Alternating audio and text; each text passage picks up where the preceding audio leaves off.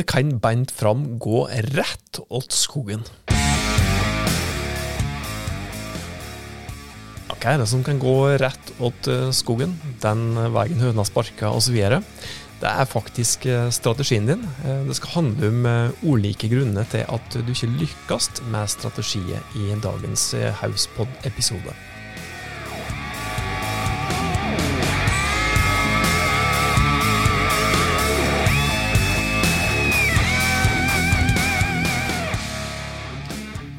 Hjertelig velkommen til en ny episode av Hauspodden, podkasten fra fagfolket i Haus. Podkasten for de som jobber i ei virksomhet, en organisasjon og har lyst på gode tips, rause råd til ulike ting som dere kan gjøre for å nå de målene som dere har satt dere. Jeg heter Tormod Sperstad, si tusen takk for at du er lytter av Hauspodden. Enten du har jobba med strategiarbeid tidligere eller ikke har gjort det, så er jeg rimelig sikker på at det jeg skal prate om i dag, vil være nyttig eh, for deg. Og én ting er jeg sikker på. Hvis du har jobba, har vært involvert i strategiarbeid eh, før, en eller flere ganger, så har du garantert erfart at strategiarbeid det er neggu ikke enkelt. Og det skal ikke være enkelt heller, fordi at hvis strategiprosessen er helt friksjonsfri, så er det stor sannsynlighet for at eh, en eller flere deler av strategiprosessen ikke har vært gjennomført på en god nok måte. Men eh, hva er det helt konkret da, som kan føre til at uh, selve strategien tar og plask? Vel, eh, dette her eh, som eh, skal jeg prate om i dag, da, og jeg kan bare, hvis du har dårlig tid, så kan jeg bare liste opp noen av de viktigste grunnene først, og så kan vi prate litt mer inngående om det etterpå. Men noen av de viktigste grunnene det er manglende formalkompetanse og erfaring fra strategiarbeid. Det kan være manglende prosjektledelse, manglende fasilitering. Det kan være kulturforskjeller. Det kan være at det ikke er god nok ledelse i organisasjonen. Det kan være manglende kompetanse på endringsledelse, ikke god nok oppfølging underveis, dårlig økonomi, tidligere suksess eller det såkalte strategiske paradoks, eller rett og slett at du ikke har en strategi for, for selve strategiprosessen. Og hva alt dette her betyr, det skal vi eh, som sagt eh, prate om. Jeg tror nok det at eh, du kan kjenne det igjen i noe av dette her. Og ja, vi skal nå gå nærmere inn på hvert enkelt punkt, slik at det blir enklere for deg å lykkes med strategien neste gang du skal involvere deg i strategiarbeidet i virksomheter som du jobber i. Gjerne da sammen med noen kollegaer, og kanskje ha noen eksterne bidragsytere som er viktig å ha med seg i strategiprosess. Manglende formalkompetanse og liten eller ingen erfaring fra reelt strategiarbeid det er en av de viktigste grunnene til at bedrifter og organisasjoner ikke lykkes med strategien sin. Her handler det beint fram om at eh, du ikke har med deg de rette folket, og at de rette folket ikke er påkobla de rette delene av strategiprosessen. Og Hvis du da ikke har med deg noen i strategiarbeidet som har formalkompetanse på strategi, dvs. Si en eller flere som er skolert på faget strategi, så kan strategien din være dømt til å mislykkes allerede før du kommer så langt som til selve strategiutformingen. Og Fagfolk med solid kompetanse på strategi der kan bl.a. bidra til at alt av de viktigste interne ressursene som dere har, blir kartlagt, noe som er avgjørende i strategiprosessen og for at du skal ende opp med en god strategi. Uh, ja, har du med deg fagfolk, så kan det òg bidra til at uh, du får leda prosessen med interne og eksterne analyser på en faglig forsvarlig måte. Så jeg prata om analyseprosessen i ei tidligere Hauspod-episode. Og har du med deg gode fagfolk, så kan de òg hjelpe deg for å sørge for at alle relevante faktorer blir med, noe som er like avgjørende.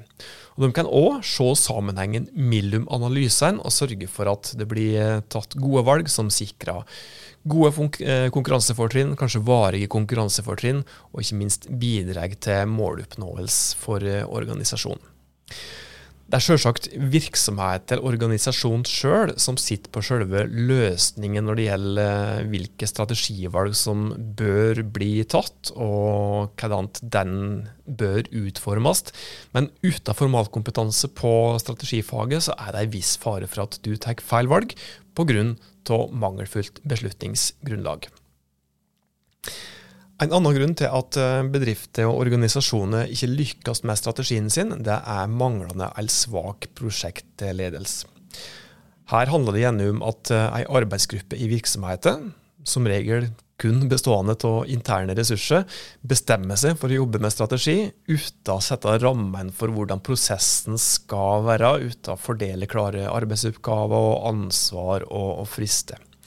Og uten dedikerte personer som har ansvar for selve prosessen, eller helst en person med erfaring fra kanskje prosjektledelse, eller i hvert fall strategiarbeid for øvrig, så er det en viss fare for at den endelige strategien ikke blir god nok. Den neste årsaken den henger sammen med, med mangelfull eh, prosjektledelse, som vi akkurat har pratet om. Men uh, der prosjektlederen da har helhetsansvaret for prosessen, så kan en fasilitator ha ansvaret for enkeltdeler av strategiarbeidet. F.eks. en strategiworkshop der det kun skal jobbes med kanskje innledende internanalyser. Og Fasilitatoren er gjerne en ekstern fagperson som både kan se virksomheten din utenfra med egne fagkompetente øyne, og som òg sørger for kvaliteten i gjennomføringen av hver enkelt del av strategiprosessen. Og så dette her med kulturforskjeller og kulturendringer. da. Og Du har kanskje hørt ordtaket 'kultur et strategi til frokost'. Vel, det er mye som er spot on med akkurat dette ordtaket her. For hvis det er noe som virkelig kan velte en god strategi, så er det eksisterende sette bedriftskulturer, kulturforskjeller i ulike deler av organisasjonen, forskjeller mellom, ja, kulturforskjeller mellom ulike avdelinger, eller kulturforskjeller i virksomheter der det kanskje allerede er litt friksjon pga. kultur i endring. Og kultur kan, en, ja, kan, eh, endre seg. Du. Kultur kan, kan, dreie seg om litt ulike ting. Men det kan f.eks. være ja, maktstruktur i organisasjonen. Det kan dreie seg om eh, noe så enkelt som at organisasjonen i bunn og grunn, eller i hvert fall hoveddelen av organisasjonen, flesteparten egentlig ikke liker dette her med endring. Og det gode er jo det at uh, hvis kulturen er litt uh, sett, og du opplever at uh, kulturforskjeller er på tur til å ja, Eller i hvert fall et hinder i strategiprosessen, så kan kultur endres, men det tar ofte ganske lang tid.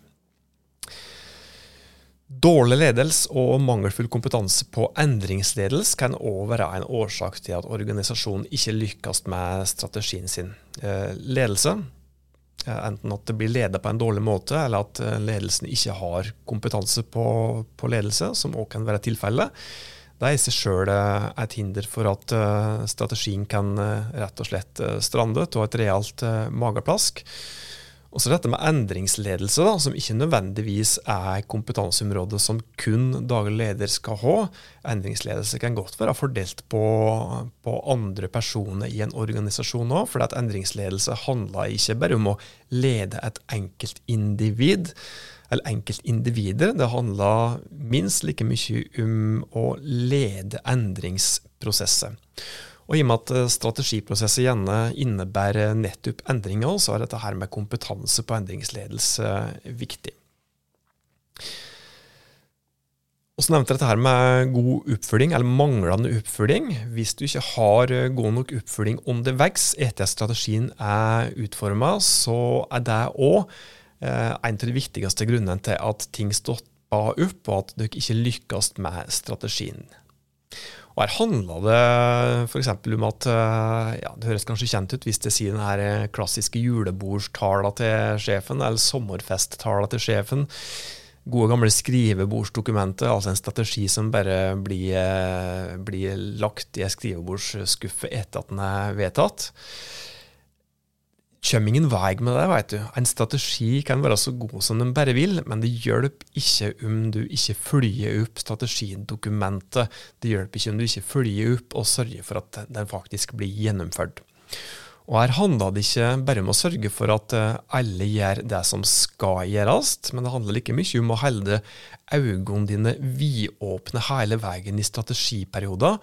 Fordi at endringer internt i bedrifter, i omgivelsene, de vil garantert komme i fleng. Og du vil garantert òg måtte justere veien underveis fram mot målet pga. nettopp dette her. Dårlig økonomi, eller kjempedårlig økonomi, kan òg være et uh, hinder for at uh, dere lykkes i uh, strategiarbeidet.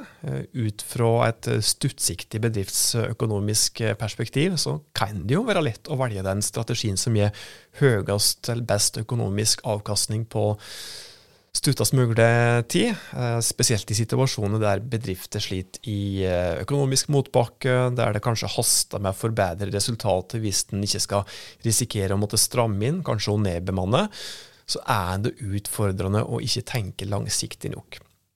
Haster det for mye, så er det fort gjort å fokusere kun på stuttsiktige tiltak uten å ta tilstrekkelig hensyn til viktige eksterne påvirkningsfaktorer som f.eks. nedgangstider, som mulig resesjon, som eh, f.eks. kommende endringer i trender som påvirker måten som markedet ditt oppfører seg på.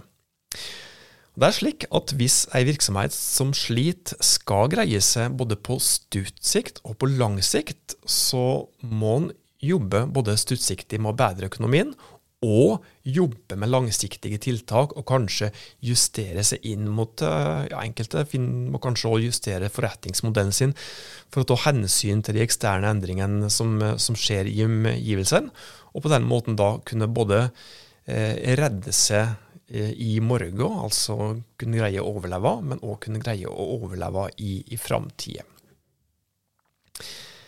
Det neste som vi skal prate om, det handler om tidligere suksess. Altså Hvis du er i virksomhet som jevnt over har gjort det ordentlig ordentlig bra over tid, så kan det være lett å tenke at ja, det har jo gått så bra, fordi at uh, alt som vi har gjort opp gjennom tiden, er det smarteste som vi har gjort. Dette her er faktisk en eh, tanke i seg sjøl som kan lede ei bedrift inn i nedgangstider.